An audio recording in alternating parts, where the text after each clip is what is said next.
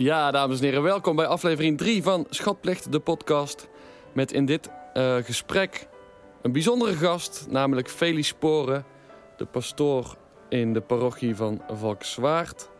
En erg leuk dat hij mee wilde werken. Toen ik deze podcast begon, wilde ik eigenlijk al heel snel de pastoor interviewen, want het leek me gewoon super interessant om met hem een gesprek te hebben over God, over het geloof. Hoe is dat nou voor de pastoor? En het is niet dat ik gelovig ben, maar ik ben uh, gedoopt en, uh, en uh, ik heb een vormsel gedaan en dat soort dingen. En daarna in praktische zin is daar eigenlijk weinig mee gebeurd met dat hele geloof. Maar um, ik vind het altijd heel, heel, interessant. En daarom dacht ik, het lijkt me heel tof om de pastoor te spreken daarover. Dus dat is gelukt, we hebben een gesprek gehad. Um, en dat was een mooi gesprek. En ook wel een persoonlijk gesprek. En ik heb nog getwijfeld of ik alles erin moest laten, maar ik heb toch maar alles laten staan. Want um, ja, zo was nou eenmaal het gesprek. En ik denk dat dat het interessantste is als het gewoon echt is. Dus daarom het hele ongecensureerde ding vandaag. En het leek me eigenlijk na het gesprek een goed idee om een liedje over God te schrijven. Um, naar aanleiding van alles wat de pastoor uh, heeft gezegd. En naar aanleiding van ons hele gesprek. Dus daar ben ik mee bezig. En het beginnetje wil ik alvast delen. En daarna gaan we naar het gesprek. Dus ik wens jullie allemaal veel plezier. Veel luisterplezier. Komt-ie.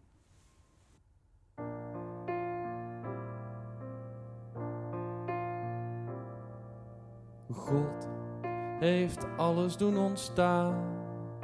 Berekende voor ieder hemellichaam zorgvuldig haar baan. En alles dat ons rest in dit domino-effect is om voor ieder moment dankbaar te zijn. Voordat ik jou heb ontmoet, voor alles wat je met me doet. Voor het wonder van de gloed van de zon in jouw haar. Voor je lijf en je lach zelfs voor verdriet en tegenslag.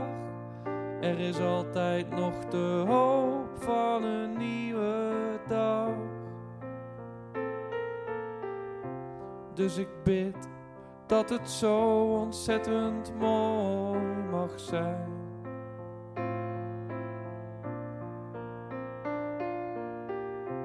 Dus ik bid dat het zo ontzettend mooi mag zijn.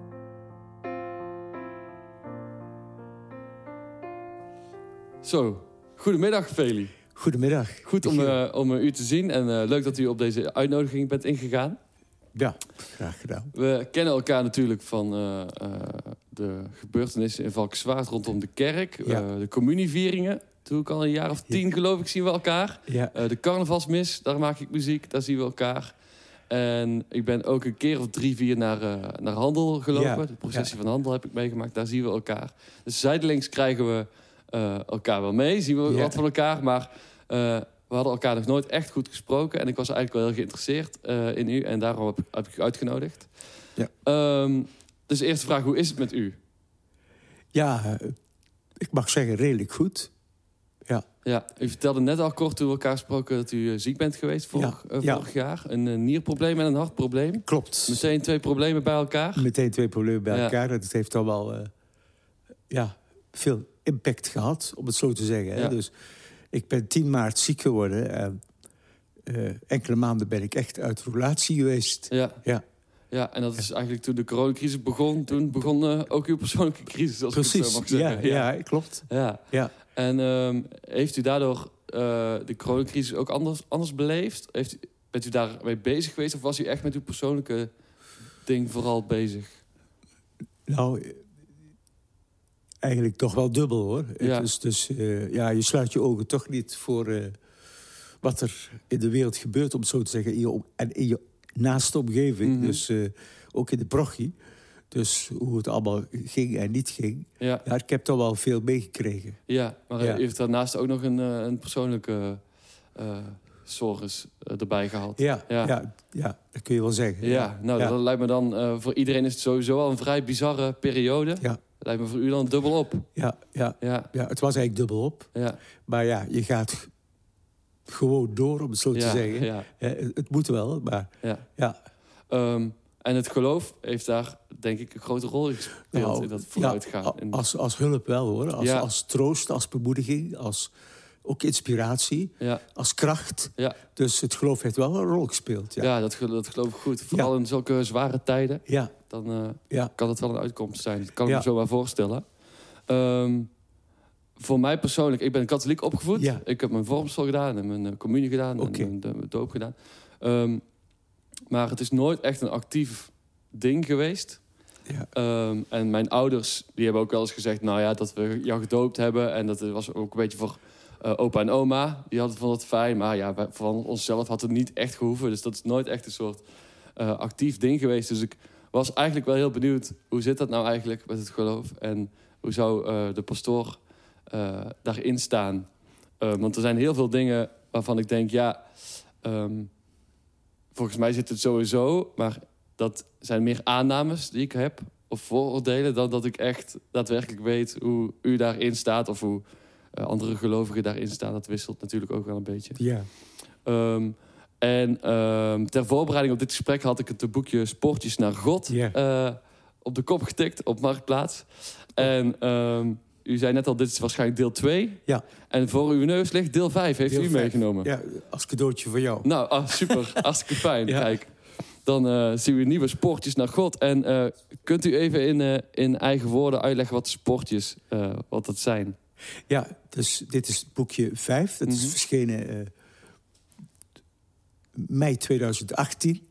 Het laatste boekje. En dus jij hebt nou boekje 2 voor je liggen. Maar in die vijf boekjes beschrijf ik eigenlijk eh, ja, in korte stukjes... wat je als pastoor in een parochie eigenlijk allemaal tegenkomt. En leed. Ja, Dan staan er ook enkele, enkele preken in. Bij gelegenheid van de carnavalsmis, bij gelegenheid van handel en zo. Want eh, het is allemaal zo vluchtig, hè? Mhm. het, het gaat allemaal voorbij. Maar als je het zo in een boekje, dan, dan, dan blijft het wat. Hè? Dan, dan kunnen mensen het nalezen. En dan zijn er ook mooie herinneringen die je optekent. ja ook voor uzelf. Ook voor Ja, mezelf. dat kan ja. ik me voorstellen. Ja. ja. Eh, u moet even het gesprek onderbreken, omdat ik vergeten ben uw thee eh, in Oké, te schenken. is goed, is goed. dus ik ga even thee inschenken. Ja, Ja. dat is goed. komen we zo terug. Klein intermezzo, hier was ik thee schenken voor de pastoor. Oh, kijk, Ja, u heeft inmiddels de thee, aan de thee. ontvangen. ja Dat is eh, hartstikke fijn. Ik zou een eh, stuk willen voorlezen uit eh, dit deel van de sportjes. Oké, Het voorwoord geschreven door Ed Aaron zou ik willen voorlezen. En een stukje daaruit vertelt ook waar de sportjes over gaan. oké. Sporens sportjes gaan over mensen, over ontmoetingen, over het delen van pijn en vreugde. Sporen naar God in allerlei situaties. Hier klopt het hart van een parochiepriester die houdt van de mensen aan wie hij gegeven is. Hier klopt het hart van de parochie zelf. De inspiratie van het geloof die zichtbaar wordt op de gewone en op feestdagen, aan het altaar, op bedevaartplaatsen, maar ook op momenten en plekken die we niet onmiddellijk met God verbinden. Het mooie van deze bundel is dat die deze aanwezigheid van God zichtbaar maakt. Is dat het doel waarmee u deze stukjes geschreven hebt? Eigenlijk wel. Ja. Ik vond dat eh, het Arons het heel mooi geformuleerd had. Want ja, zo beleef ik het ook. Hè? Dus eh, je bent parochiepriester. Je staat midden tussen de mensen bij lief en leed. Ja, Nou, nou de hartslag van de parochie. ja. Ja, En van het leven ook. Leven, Van het leven, ja. lief en leed, ja. precies. Ja. precies ja. En ehm, ik heb deze sportjes eh, gelezen en Ja. ehm, dan kom je ook een heel aantal facetten tegen van het leven en van ook dus uw werk als Ja. pastoor. En dat lijkt me, eh, ik dacht tijdens het lezen, dat lijkt me zo waardevol om, ehm, om zo actief bezig te zijn met die dingen van het leven. Die het leven mooi maken, maar ook pijnlijk, maar ook eh, eh, waar ook kracht bij komt kijken. En dat, dat u met al die dingen bezig mag zijn, dat lijkt me wel heel waardevol. Ja. Ja. Ja. En ehm, ik heb een aantal eh sportjes uitgekozen waar ik Ja. wat dingen uit wil voorlezen. Oh, dat is goed. Ja, En waar we het misschien over kunnen hebben. ja prima. En ehm, aangezien sportjes naar God zijn en eh, eh, God en het leven in alle facetten terugkomt, kunnen we het misschien ook over eh, God hebben. Omdat het een lastig begrip is. ehm, waar soms ook veel spraakverwarring over bestaat, heb ik het idee. Hm. En misschien kunnen we wat van die spraakverwarring uit de lucht helpen. En dan krijg ik wellicht een beter idee van wat God nou precies is. Is dat een idee? Ja, is goed. Kijk, goed zo. Dan wil ik met een luchtig onderwerp beginnen. Ehm, waar ik u ook van ken is de carnavalsmis. Ja. En daar zit altijd eh, de preek in. Ja. En ehm, dat is een preek slash eh ton praten. Eh, dat er heel veel grapjes in zitten. Het is echt een heel carnavalesk deel altijd. Ehm, en toen las ik dat u ook wel eens langs de huizen gaat als het oude pastorke. Ja, En dat is een soort creatie van u, een rol die u speelt. ja, eh, waarin u ook op een grappige manier mensen toespreekt, Ja. grapjes maakt. precies. Ja. En ehm, u heeft twee voorbeelden van eh, mopjes die u heeft gebracht als, eh, als de rol, in de rol van oud pastorke. En eentje vond ik heel grappig, die zou ik graag willen voorlezen. is goed. Ehm, een nieuwe zaak. Oh ja, het is in het Brabants. Dat Ja. is in de mis ook altijd wel een ding. Het is altijd dialect. Dialect, ja. Dus ik ga echt mijn best doen om het op plat Brabants te praten. Maar we gaan zien hoe het loopt. Een nieuwe zaak weer geopend en een van de vrienden van de eigenaar stuurt bloemen voor de feestelijke opening. Die worden netjes bezorgd op de dag en de eigenaar leest de kaart. Daar staat met grote letters rust in vrede. Die mens van de nieuwe zaak is kei vals en belt een bloemist. Als hij zijn klacht gedaan heeft, zei die mens van de bloemen... Ja, hier is duidelijk een fout gemaakt en dat vind ik heel erg. Maar nou moeten eens even weier denken. Er is nou een begrafenis aan de gang en daarvoor zijn bloemen bezorgd met het bijschrift... Proficiat met de nieuwe locatie. En ik vond dit wel typerend voor de grapjes die in de mis eh, altijd te horen zijn. Ja. Ik vroeg me af, schrijft u de preek in de carnavalsmis ook altijd helemaal zelf? Ja, de, de preek wel. De, de, de grapjes, ja, die dienen zich aan. Of die, Oh ja. die, die, die vind je ergens. Of die, Die verzamelt die elkaar. je op, op een gegeven ogenblik. Maar eh, ge- gedeeltelijk ook eh, wat je op straat hoort. Hè? Ja. De afgelopen periode over de gemeente of over bepaalde situaties. Weet je Ja, wel. ja, dat verwerkt u altijd in Dat de... verwerken we dan. Ja, in, in, Ja. dat is leuk. En de, de burgemeester en vooral Ja. zijn lengte is ook altijd eh, Oh ja. een onderwerp Dat is ook een keer geweest. van Ja. een grap. Ja, kan ik me nog goed herinneren. Ja. En we zitten meestal met de muzikanten ook eh, naast het altaar of achter het altaar. En eh, daar is het geluid niet zo goed, dus een hoop ontgaat ons altijd wel. Maar de dingen die we meekrijgen, dat, is, Oh. dat, is, al- dat is altijd erg leuk. Ja. Ehm, humor en, eh, eh, en het geloof is... ehm, hoe, hoe heeft humor een plek in het geloof? En hoe, heeft, hoe is de relatie met God en humor? Dat vroeg ik mezelf af. Nou, eh, kijk, ik, ik heb altijd in gedachten van Annie M.J. Smit, die ken je wel. Ja, zeker. Die heeft is ooit een musical geschreven. Lachen mag van God. Dat is, ja, dat is al tientallen jaren geleden dat, ze, dat, eh, dat ze die musical geschreven heeft. Maar dat vind ik een heel sterke titel. Lachen mag van God. Want het is inderdaad zo. hè, de lach heeft iets te maken met de vreugde. Met de vreugde en de dankbaarheid van het leven. En dat zit hem niet in de grootste dingen, maar in de kleine alledaagse dingen. Hè, zoals eh, gezegd wordt, de humor ligt op straat. Ja, Nou, eh, dus lachen mag van God. Eh, hij heeft ons, dat, dat vind ik dan als gelovige, hè, hij, hij geeft ons de gave van, van de humor, van de lach. Ja. En hoe belangrijk is het niet hè, te, te kunnen relativeren? Dus er zijn zoveel sores, er zijn zoveel zorgen, er is zoveel wat, ja, wat aandacht vraagt. hè. Mhm. ja. Maar als je dan ook af en toe kunt lachen als een ontlading. Als je dingen kunt relativeren eigenlijk, hè, minder zwaar maken... dan komt dat eigenlijk de levenskracht, het leven zelf, ten goede. Ja. Hè? ja. Dus, dus er is een heel duidelijke combinatie tussen, vind ik... gelovig in het leven staan en, en humor. ja. En ja, we hebben het evangelie. En het evangelie van Jezus is een... Dat wordt wel eens vergeten. Dat is een blijde boodschap. Ja, ja. En ja, die- die- die- waarom is dat een blijde boodschap? Dat heeft al zijn redenen. Maar daar kun je niet omheen. Nee. Dus eh, iemand heeft ooit gezegd... eh,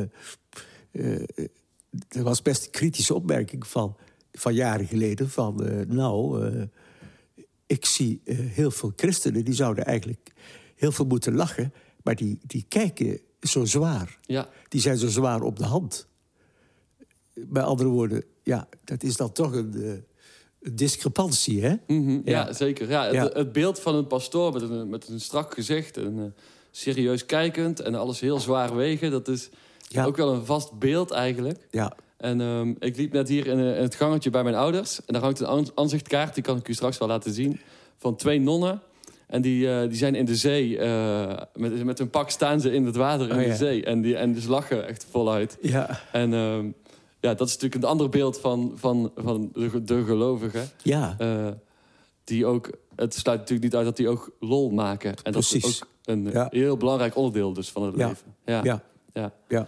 Ja, de- met carnaval zien we elkaar altijd. En dan is dat eh, eh, lol maken en eh, het vreugde hebben. Het hoort er echt bij. Het hoort Dan. er echt bij, Dan, ja. ja. ja. Eh, maar zoals u zelf ook al zei, ehm, lief en leed staat ook in de spoortjes Ja. naar God. En is ook een heel groot onderdeel van uw eh, werk. Ja. Eh, het is echt eh, eh, vreugde en verdriet. Ja. En daarover gaat eigenlijk het volgende spoortje wat ik met u wilde bespreken. Is goed. Het is het verhaal van Ans uit Ge- Gelderop. Ehm, daar kan ik ook een deel over voorlezen. Ehm, Moet ik eventjes naar de goede pagina. Hier schrijft u... Als priester ben je vaak getuige van veel lief en leed in de parochie. Als pastor is er immers de herderlijke taak om mensen in Christus naam nabij te zijn. Mooi is het als je mag meemaken hoe mensen na een verdrietige periode weer gelukkig kunnen worden. Ans verloor onverwacht haar man Henk aan de dood. Ze bleef achter met twee jongvolwassen kinderen. Een moeilijke tijd volgde. Met vallen en opstaan probeerde ze opnieuw zin te geven aan haar leven. Via de digitale snelweg leerde ze Piet kennen. Ook hij had een leven achter de rug met hoogte- en dieptepunten. In het op afstand met elkaar spreken ontdekten ze vele raakvlakken en de klik van het gevoelen... die ander, dat is een interessante man of vrouw. Deze contacten nodigden uit om elkaar beter te leren kennen. Het eerste afspraakje werd gemaakt en de liefde tussen hen bloeide op. Ze wilden hun verbintenis officieel maken. Ze vroegen aan mij of ik de huwelijksvoltrekking wilde leiden als buitengewoon ambtenaar van de burgerlijke stand. Ja. En dit vond ik zo'n mooi voorbeeld waar u het leed eh, deelt met, eh, met Ans, in, eh, omdat daar echtgenoot overleed, Henk. En daarna het proces volgt van hoe met dat, met dat verlies om te gaan. En ook eh, het weer opnieuw vinden van die vreugde. En op weer opnieuw gelukkig kunnen zijn. Ja. En dan ook nog een rol spelen bij een nieuwe verbindenis. Ja. Eh, en dat is alleen, vond het zo'n concreet eh, voorbeeld. En ook hoe dicht die twee dingen bij elkaar liggen. Ja. En hoe is dat voor u om, dat, om zo betrokken te zijn bij dit soort gebeurtenissen in andermans leven? Ja, dat is, van de ene kant is het eh, heel mooi, hè, dus die, betrokkenheid. Maar het is ook natuurlijk niet makkelijk om in zo'n eh, ziekteproces of rouwproces eh, aanwezig te zijn als pastor. Maar het geeft, hoe moeilijk het ook is, het geeft heel veel voldoening. Hè? Want als ik dan maar even kijk naar het, het, het, ziekteproces of het rouwproces van mensen... bij dus bij ernstige ziekte van de partner of bij, bij het overlijden van de partner, eh, dan is er heel veel verdriet en onmacht. Maar en je, a- als pastor heb, heb je eigenlijk heel weinig in je handen om te geven. Maar de aandacht, eh, het, het luisteren, dat doet al zo goed kennelijk. Dus dat hebben we bij, bij zoveel mensen gemerkt. En dan als je dan contact blijft houden, dan heb je ook de gelegenheid om, om, om dat proces wat te volgen. Hè? Ja. En ook om in dat proces iets te betekenen. Dus, eh, want als het gaat over het verlies van een dierbare, eh, dat is eh, keihard voor de naaste. Maar het wordt vaak door de omgeving nog moeilijker gemaakt. Omdat er mensen zijn in de omgeving die na drie weken of vijf weken na het overlijden eh, denken, soms zelfs zeggen van ja, het gaat toch wel een stukje beter onderhand, hè? Ja. Dus, dus dan. En, maar als er dan iemand is die wel naar hen kan luisteren. Hè, want eh, luisteren, Michiel, is een van de moeilijkste dingen van de wereld. Mhm. Want er zijn heel veel mensen die kunnen slecht luisteren. Ja. Die, die, die, die luisteren misschien twee seconden, maar die zijn de derde seconde al bezig met wat ga ik nu zeggen? Ja. Of het nou aansluit of niet. Dus, dus daar staan mensen met hun verdriet dikwijls heel alleen. Ja. Hè? Dus is er dan een pastor of een andere, ja, zakelijke term te gebruiken, hulpverlener, die hen nabij is, dan, dan, dan, ja, dan is dat een, een verademing dikwijls voor Ja. mensen. Dat kan ik me voorstellen. En ehm, u zei zelf ook al dat het voor u eh, niet altijd makkelijk is Nee. om met zulke zware onderwerpen bezig te zijn. Heeft u het wel eens echt mee naar huis genomen dat u dacht: ik ben nu zoveel hiermee bezig, het speelt zo in mijn hoofd dat ik, ik moet het los, ook voor mezelf los zien te laten. Want u heeft natuurlijk ook uw eigen leven. Ja. Ehm, is het wel eens lastig geweest om die twee dingen uit elkaar te houden, om dat niet de overhand te laten krijgen? Ja, ik denk van wel. Dat, dat, dat is niet altijd makkelijk. Dus, dus, hè, maar dus, eh, het leven van een pastor van, is, is, is dikwijls helemaal gevuld met, eh, met, met pastoraat. Hè, met ermee bezig zijn. Ja. Dus eh, het, het is een opdracht om, om, om ja, af en toe te stoppen, bij wijze van spreken. Ja. Want je bent anders dag en nacht eh, bezig. Hè? Ja. En ik merk wel bij het ouder worden. eh, dus dus ik, ik heb, al zeg ik het zelf, het, het heel lang heel flexibel gekund. Maar eh, als je nou een eind in de zestig bent. toen merkte ik op een gegeven ogenblik van.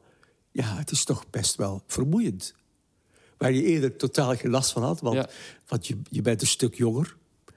Hè, eh, dat heeft er ook mee te maken hoor. Mhm. Eh, het, het verwerken, het aankunnen, het, het, het dus eh, vermoeid worden. Ja. Eh, je bent dan zelf ook kwetsbaarder. Hè? Ja, en het luisteren kost dan ook meer energie en Ja, aandacht, nou. aandacht hebben voor, Ja, voor diegene. Ja, dat kan ik me goed voorstellen. ja, Ja. ja. Want luisteren, eh, eh, dan, dan doe je ogenschijnlijk niks. Ja, Ogenschijnlijk. ja, Maar eigenlijk doe je wel heel veel. ja inderdaad. Hè? Ja, En dat kost energie. ja. inderdaad. En Ja. je moet inderdaad ehm, eerst luisteren en dan ook nog bedenken... oké, wat zou ik Ja. nu kunnen aanvullen? Wat- Precies. waarmee zou ik degene van dienst kunnen zijn? Ja, Kunnen helpen? Waar zou diegene iets aan hebben? ja, En eh, dat zijn natuurlijk altijd ook wel pijnlijke dingen en hele verdrietige dingen. Dus het komt ook wel nauw, kan ik me voorstellen. Dat het, je woorden wegen wel zwaar op zulke momenten. ja. Je woorden wegen zwaar. Dus je moet altijd uitkijken, dat vind ik dan van ons eh, professie, van ons werk, vind ik dat altijd een gegeven. Je moet de woorden wel, wel, wel goed kiezen. Mhm. Hè?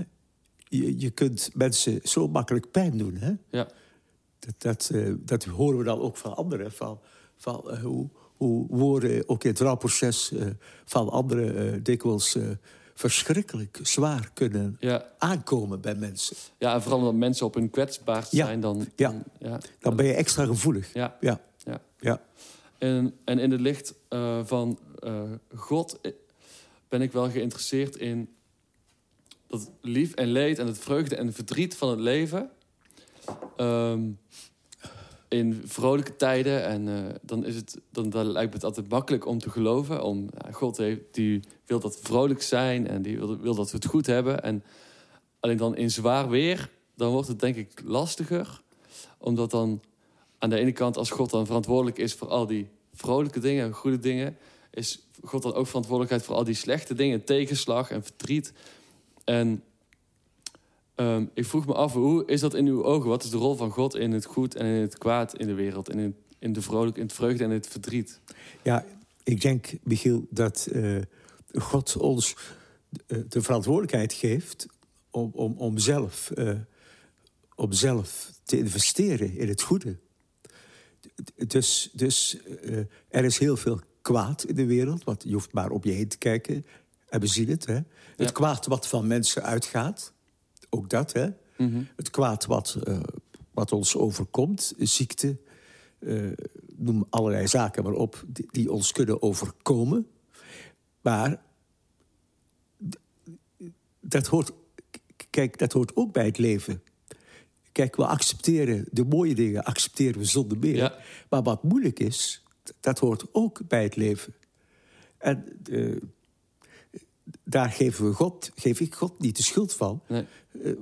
Maar hij is, eh, als het ware, de bron, hè, de schepper. Eh, maar hij heeft ons de verantwoordelijkheid gegeven.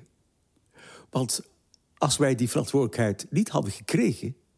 dan, dan- was ons mens zijn ook heel beperkt. Ja, je moet er zelf iets van maken. ja. Dat is de opdracht. Dat kan God niet van ons overnemen. Hij kan wel inspireren, hij kan wel ons medemensen geven die ons de weg wijzen of zoiets, of ons nabij zijn, als we geluk hebben. Hè? Maar, maar God kan het niet van ons overnemen. Nee. Dan moeten we, we moeten zelf er iets van maken. Ja. En ja, God eh, is natuurlijk ook eh, een- voor heel veel mensen een moeilijk begrip. Hè? Maar hij heeft het ons makkelijk gemaakt in die zin dat, dat hij ons Jezus heeft gegeven. Dus God, een, ander woord, vader, hè? God, vader. Dus ook de vader van Jezus. En Jezus is als mens ja, hij is Gods zoon, maar tegelijkertijd ook mens. En dan is hij heel, kan hij heel dichtbij zijn. Ja. Hè? Ja. Maar in ieder geval, wij hebben zelf de verantwoordelijkheid om, om, om van ons leven iets te maken. Dus overkomt ons ziekte, lijden. Ja, dat hoort ook bij het leven. Ja. En hoe gaan we daarmee om? Ja, en dat is, dat is eigenlijk de interessante vraag. Ja. Hoe ga ik daarmee om en hoe incasseer ik de klap, om het maar zo te zeggen. Ja, Ehm, en dat is een, ook een constructievere plek om je energie eh, ja, op te focussen dan op waarom doet God mij dit aan of waarom eh, ja, heeft dit God, God voor, dit voor ogen. ja, Omdat als gezegd wordt dat God een plan heeft, eh, of met alles een idee heeft, dat er een- dan lijkt het alsof als zoiets gebeurt, dat het dan de bedoeling is van God. Als er iets heel vervelends wordt of als je ziek wordt, dan dat, daar, dat God daar een bedoeling mee zou hebben. Ehm, en dan lijkt, vind ik het altijd lijken alsof. eh, dan, ja, dan vind ik het zo ingewikkeld. ja. Want wat is dan de bedoeling daarvan? ja. En dan. Kijk, eh, eh, het is nooit iets. Het onderwerp eh, leent zich niet voor makkelijke antwoorden. Nee, nee, nee, nee. dus, maar een ander punt is van, van waarom doet God mij dat aan? Hè? Die vraag stelde jij ook. Hè? ja, Nou, dat is een vraag die komt in de Bijbel ook heel veel voor. Eh, de psalmisten, de psalmen, is ook een onderdeel van de Bijbel, weet je wel, van het Oude Testament. En de psalmen zijn heel dikwijls, eh, eh, staan heel dikwijls vol met, met menselijke geluiden van, van, van, van pijn en lijden, verdriet, wat mensen meemaken in hun leven. En dus dat het ook een proces is hè, van, van aanvaarden. Jezus vroeg aan het kruis ook van... Of vroeg, vroeg, hij schreef het uit... God, mijn God, waarom hebt gij mij verlaten? Dat is ook een menselijk iets, hè? ja, Dat mensen voelen van, of denken van...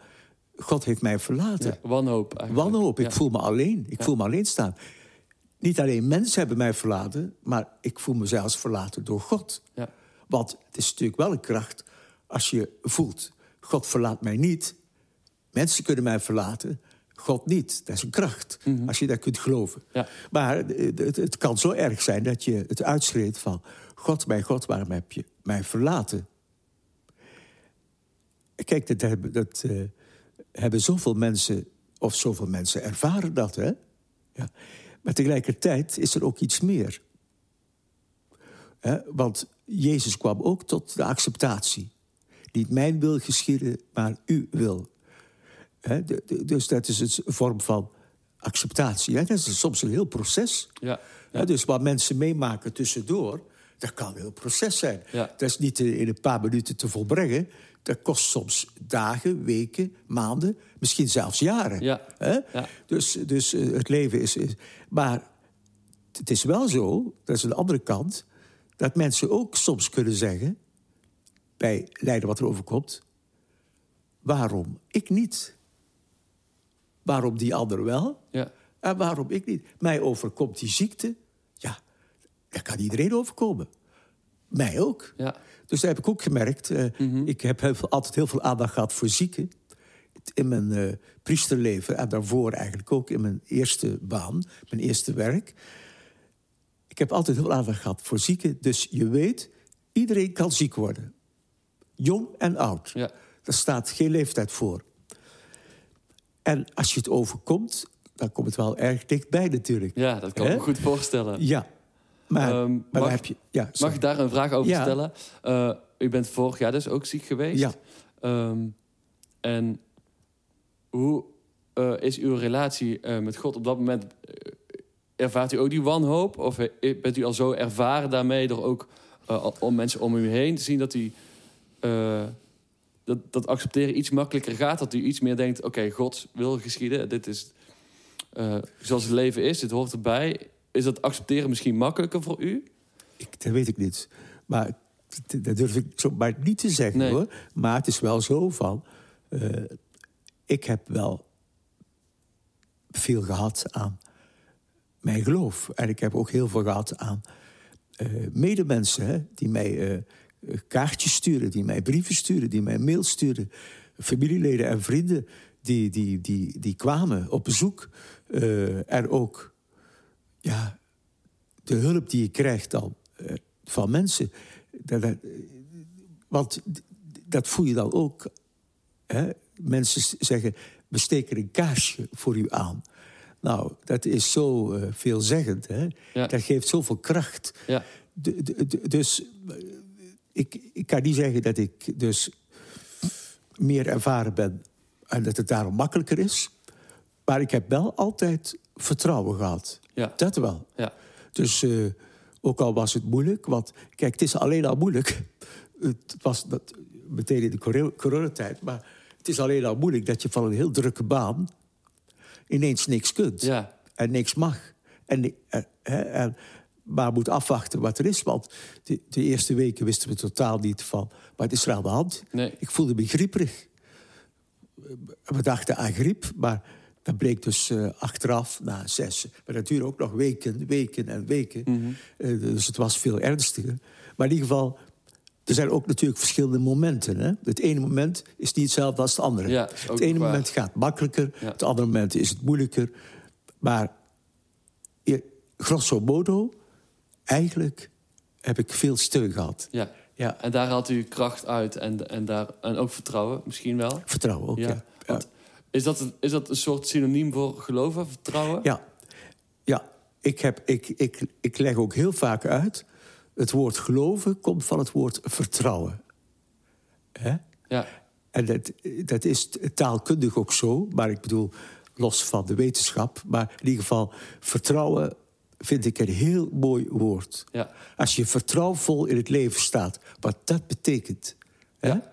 Dus ik vertrouw op God. Maar ja, je hebt ook vertrouwen in mensen, in medemensen, in, in het leven. ja. Hè?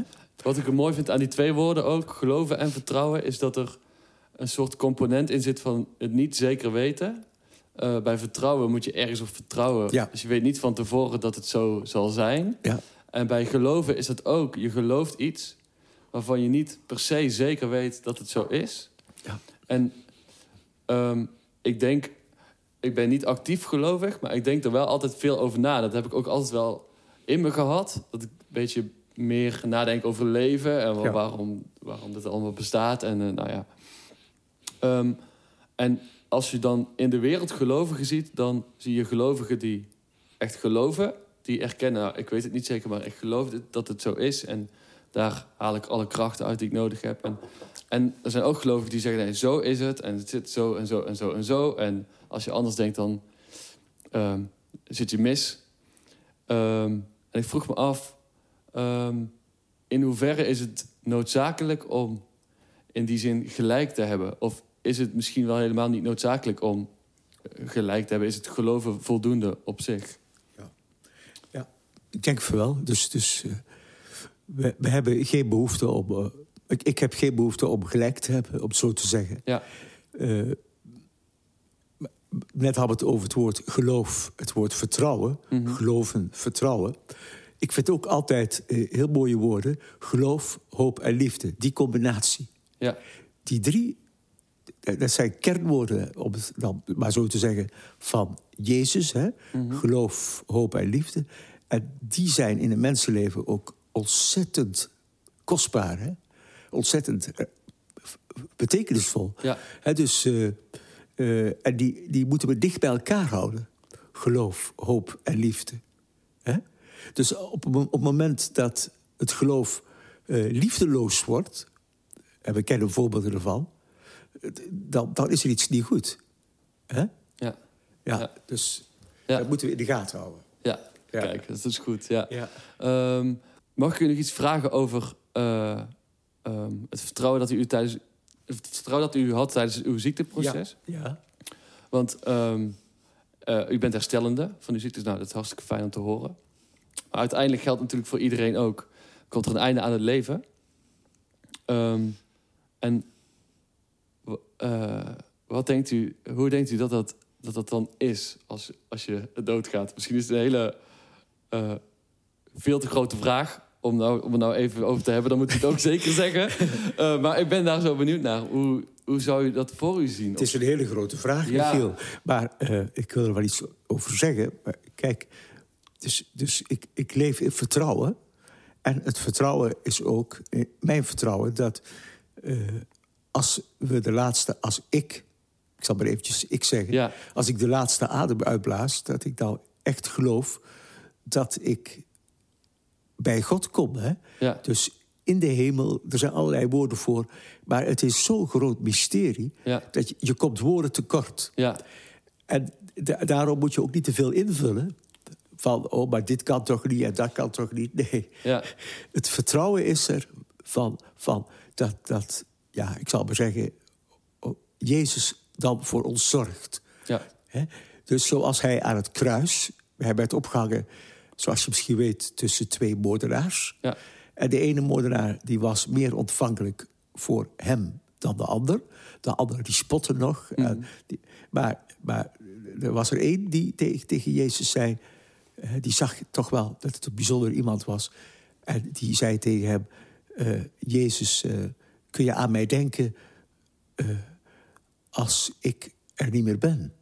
Als ik dood ben? En toen zei Jezus... heden nog zult je met mij in het paradijs zijn.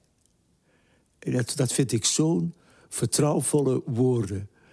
Hoe, hoe we dat invullen, dat is het, we mogen dat niet invullen. Nee. Hoe Jezus dat invult, dat is een tweede. Ja. Maar eh, dat vertrouwen, hè? ja. Dus daar hopen we op, daar vertrouwen we op. Precies. We- Ja, Of het dat makkelijker maakt, dat weet ik niet als het op aankomt. Want, want ik zie bij stervende mensen... zie ik gelovige mensen die het heel moeilijk hebben. ja, Ook moeilijk hebben om los te laten. Dat is ook een menselijk aspect. ja. Eh, loslaten van dit leven hier. Ja, het is ook nogal wat dat je, dat je dit Precies. vaarwel zegt. Ja, Precies, dat is nogal wat. Dus je ziet erbij, die hebben er heel veel, moeite mee, heel veel moeite mee. En je hebt erbij die zeggen... maar dat is misschien ook na een proces. Ook- Het is, het is goed zo. ja, Het is goed zo. Ja. Ik ben dankbaar. Ik heb een mooi leven gehad. Die mensen heb je ook. ja. Is dat het sleutelwoord, dankbaarheid? Ook op dat soort momenten? Of zelfs misschien wel op dat soort momenten? Het is wel een belangrijk iets. Dus als mensen dankbaar zijn voor wat ze gehad hebben... Mhm. dat, kan, dat kan loslaten, makkelijker maken. Ja, Als jij nog heel veel wil doen en je bent ontevreden, of, of, of, of er zit heel veel spanning, ja, dat, dat, dat is loslaten moeilijk. Hè? ja, Kan ook allerlei redenen hebben natuurlijk. Ja. Ehm, ik heb een persoonlijk verhaal ook, Ja. wat hierop aansluit. Ehm, en ik twijfel nog of ik het eh, de wijde wereld in wil sturen... maar dat kan altijd nog later eruit geknipt worden. Oh, ja, ja. Ja. Maar ehm, mijn opa, eh, de vader van mijn moeder, die was 85 uit mijn hoofd. En hij had een aneurysma in zijn, eh, bij zijn darmen, in de slagader. Ehm, en bij het ziekenhuis hadden gezegd dat hij nog een dag of vier, vijf te leven had. Ehm, en het viel toen zo rauw op zijn dak dat. eh, en hij had daar geen vrede mee ook. En ik, ik, zag, ik zag dat en ehm, daar heb ik wel echt, daar ben ik echt van onder de indruk geweest ook wel. Eh, dat opa was, die kon altijd heel erg mopperen. En eh, kan ik ook af en toe wel hoor, daar heb ik ook wel een beetje van hem. Maar ook in die laatste dagen kon hij ook nog echt mopperen over de kleinste dingen. Over dat de tante uit het verkeerde kastje iets pakte. En, toen en toen dacht ik, oh ja, ja, met de wetenschap dat je nog enkele dagen hebt... en dan toch nog mopperen, dat, dat, ja, ik had het daar best wel moeilijk mee om dat te merken. Omdat ik dacht, ja, het zit zo in... in hij heeft het al die jaren gemopperd en dan ook zo, ja, blijft hij Tot het mopperen. laatste. Ja. Tot het laatste. Ja, ja. Dus dat is ook al wie hij was of zo. Maar Ik heb er wel echt zo over nagedacht van... stel, ik heb nog drie dagen te leven... dan is het, is het eigenlijk zonde van de tijd om te mopperen... Om zulke kleine dingen. Ja.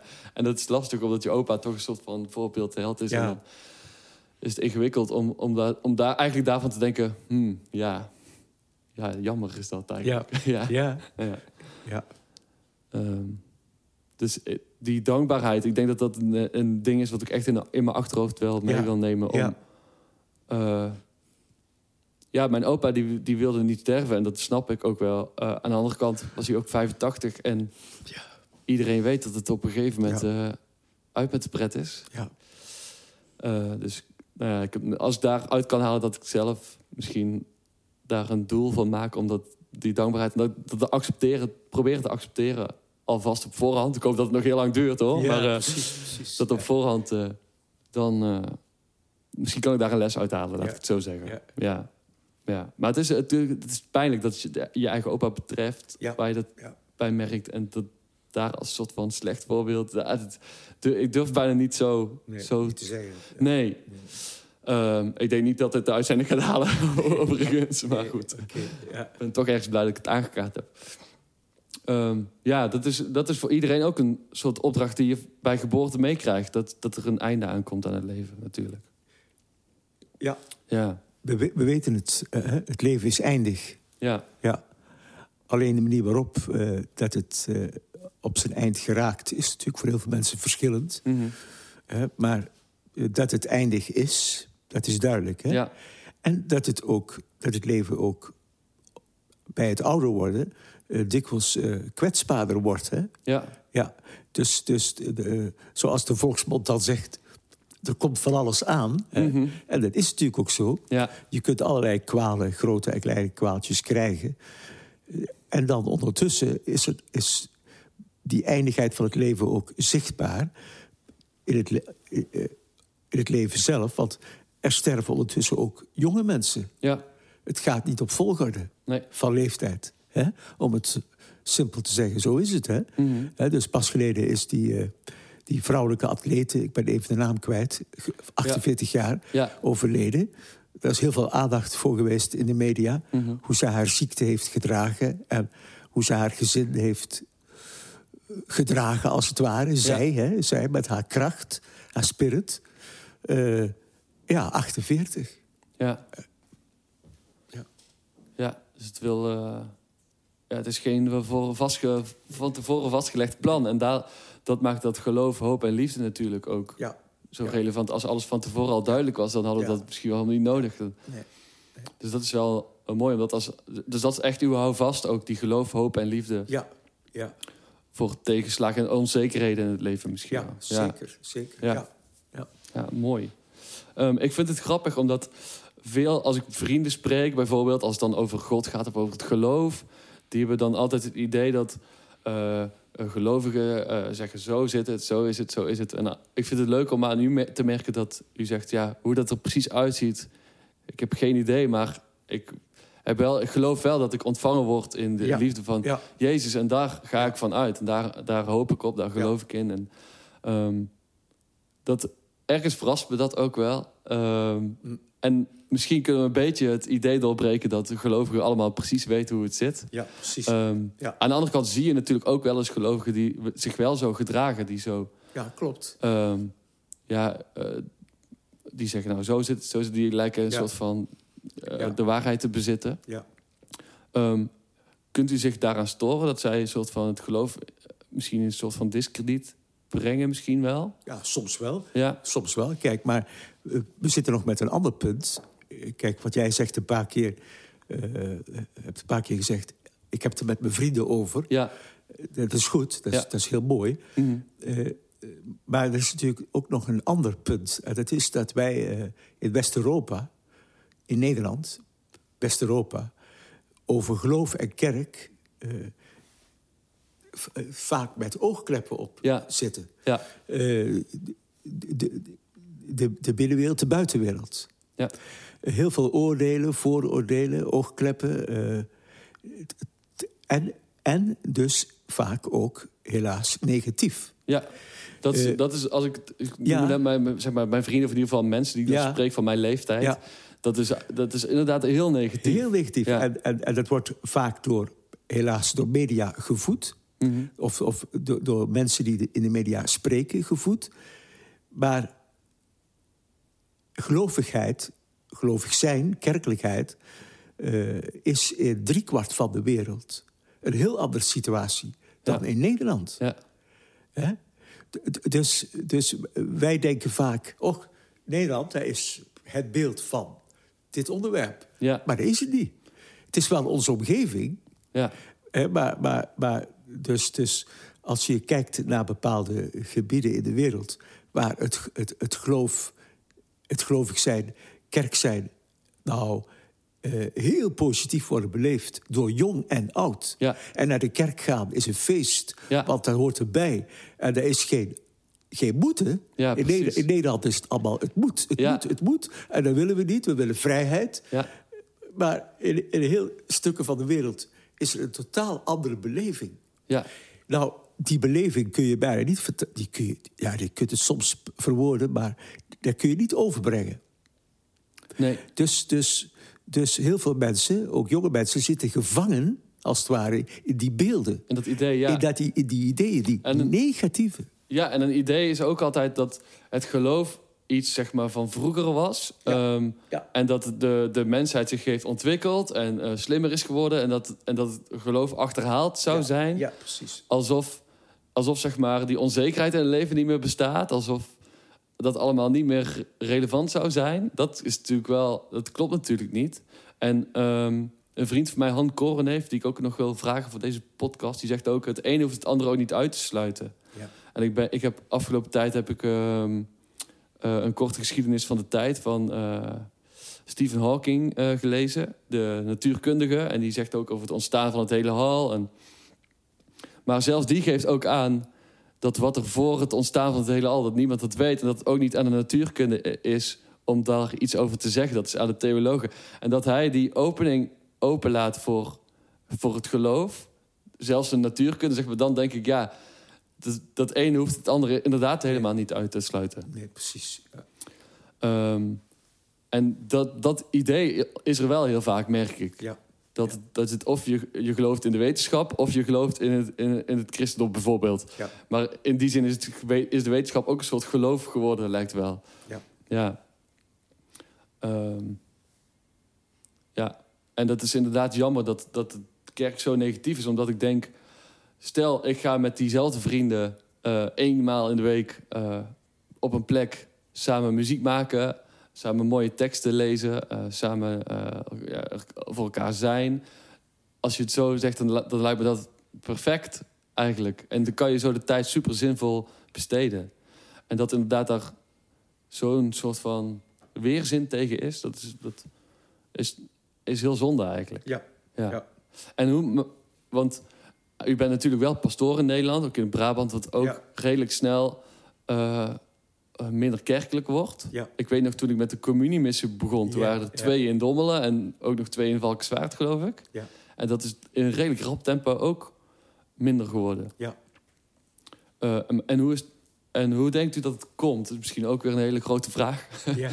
Maar wat zou er daar een, een, een reden voor kunnen zijn dat het zo snel minder wordt? Ja, die ontkerkelijking die heeft natuurlijk heel veel eh, invloed. Dus dus eh, ja, als, als mensen eh, qua aantal niet gaan geloven... Of, of het geloof niet meer belangrijk vinden, kerkelijkheid niet meer belangrijk vinden... dan vind je dat natuurlijk ook terug in het aantal jongens en meisjes... dat de eerste communie gaat ontvangen. hè. Ja. Ja, Ja, dat is Ja. teken van het feit dat het ontkerkelijk kerkelijkt. Ja. Ja, de ontkerkelijking Ja. Die, die, die gaat door. Hè? Eh, mensen blijven natuurlijk wel behoefte hebben aan zingeving, zegt men dan steeds. Dat is ook zo, hè? Ja. Dus eh, eh, dat is weer een ander aspect. Maar eh, ten aanzien bijvoorbeeld van het aantal vormelingen... zeggen we heel dikwijls, eh, de laatste jaren zeker... eh, van, kijk, dat er minder vormelingen zijn bijvoorbeeld... Tja, moet je dat erg vinden? Ik weet het niet. Want je krijgt wel nu mensen binnen... eh, althans, eh, toch verschillende... voor wie het echt iets betekent. Hè, want eh, zoveel jaar geleden was het nog... Ja. omdat iedereen het doet, of omdat de meesten het doen... Ja. doen wij het ook. Ja. Maar dat is helemaal weg. Ja, Dus degenen die zich nu aanbieden... dat is toch een andere uitgangssituatie, hè? ja dat Ja. zijn de. Ja, ik vind het is ook een hele positieve manier om ernaar te kijken, Zo ook wel. kijken, ja. Maar ook als ik naar mezelf kijk, eh, ja, heb ik mijn vormsel gedaan en dat was het ook wel. Daarna, ja, Ja. heb ik daar weinig actief mee gedaan. En nu heb je natuurlijk wel degene waarvoor het echt iets betekent en waarvan de ouders ook echt Ja. misschien wel actief gelovig zijn. Kijk, de ouders zijn in deze ook belangrijk natuurlijk, hè? Ja. ja. Ja, en ik vond het ook grappig, ook ergens in de sport, dus ik weet niet precies waar, ehm, ging het over ehm, dat grootouders er moeite mee hebben dat hun kinderen, hun kleinkinderen, ja. niet gelovig opvoeden. En toen schreef u, eh, ja, ouders van kinderen hebben vaak het idee dat ze eh, zelf een eh, weg kunnen kiezen, of zelf een idee kunnen hebben over de kerk en het geloof. En er stond tussen haakjes terecht. Dus dat vond ik dan ook wel weer grappig om te merken dat u ook dat wel terecht vindt dat zij dat, dat zelf mogen beslissen wat ze daarmee doen. Ehm, en daarna schreef je ook dat het niet moet betekenen dat, dat er een sneer moet uitgedeeld worden aan die grootouders bijvoorbeeld. Ehm, maar ik vond het ook goed om te lezen dat u die vrijheid wel geeft. Zeg maar. Ja. Dat u zegt, oké, iedereen mag zelf Ja. uitkiezen Ja. of hij of, ze, of aansluit bij, bij diegene. Maar dat betekent ook, Michiel, dat eh, die vrijheid ook van de andere kant gerespecteerd moet worden. Ja, Wij, wij weten ook van, van, van opa's en oma's, die gaan zondags graag naar de kerk, maar die worden gehinderd door hun eigen kinderen. Kijk, d- en dan denk je, ja, ja, het moet wel van twee kanten komen. Ja. Dat, dat vind ik dan zo eh, ja. erg als ik dat hoor. ja. Ja, En dat is. ehm, in de vorige aflevering zat Tineke Maas, de directrice van de Goudse Schouwburg. En die had het lied uitgekozen van Maarten van Roosendaal, Red mij niet. Het gaat ehm, ook over geloof, maar ook dat, dat hij in zijn eigen waarde wil, eh, gelaten wil worden als niet-gelovige.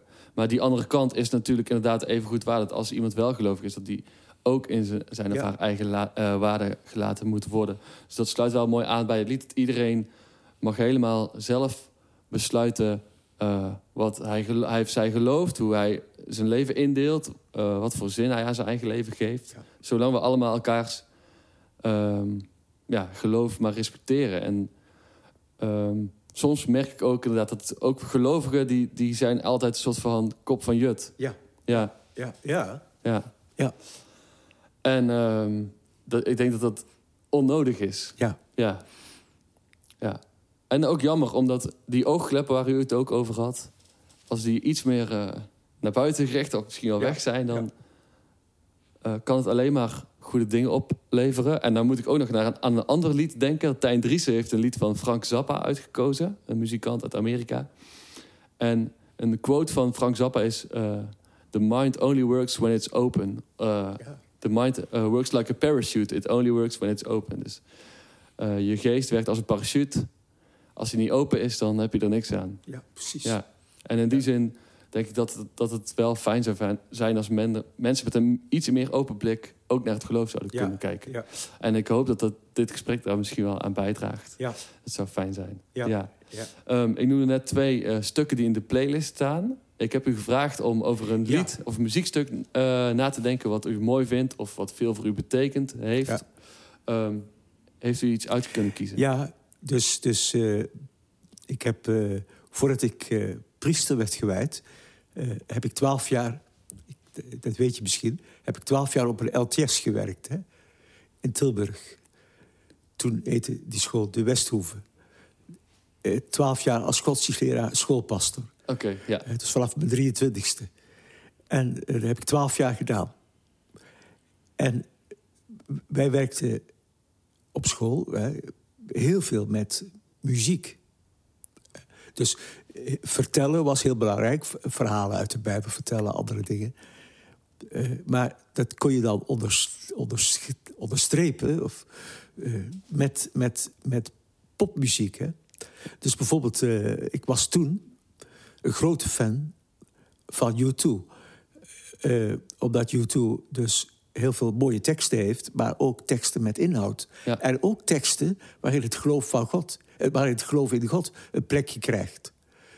Dus dus eh, de, de muziek van eh, U2, in reggae-muziek, wat we ook heel vaak gebruikt hebben, waar, waar- waar ook het geloof in God heel dikwijls een vanzelfsprekendheid is. Ja.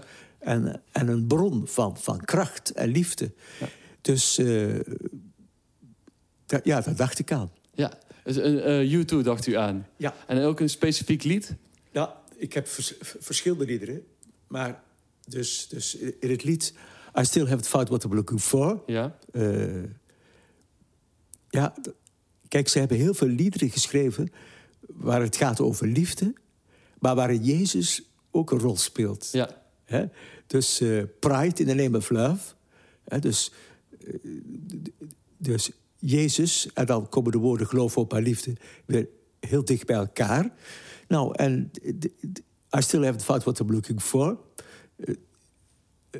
Het kan gaan om een verloren liefde... Mhm. maar het kan ook gaan om je verloren geloof. Ja.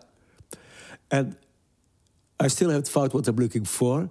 Je bent een leven lang op zoek naar, ja, laat ik dan maar zeggen, geloof, hoop, liefde. En op het eind moet je misschien zeggen: I still haven't found what I'm looking for.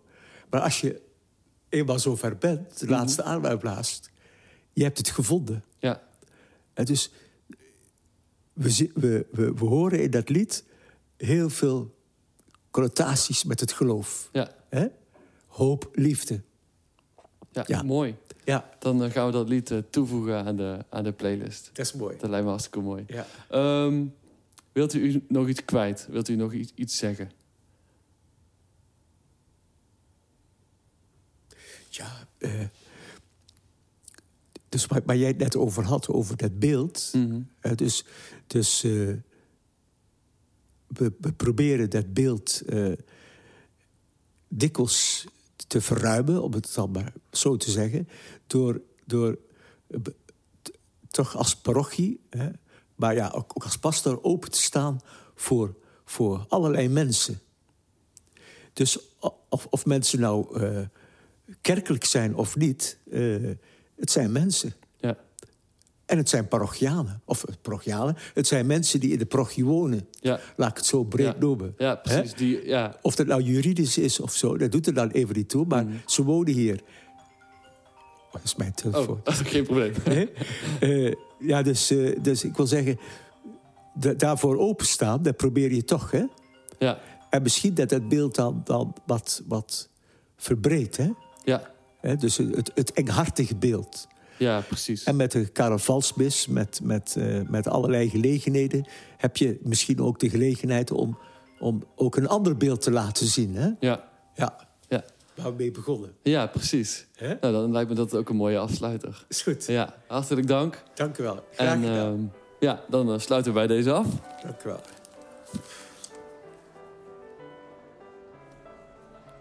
Ja, dat was hij dan. Het hele gesprek met de pastoor. Ik wil eh, Feli eh, nogmaals heel erg bedanken voor zijn medewerking. Ik vond het heel leuk om hem te spreken.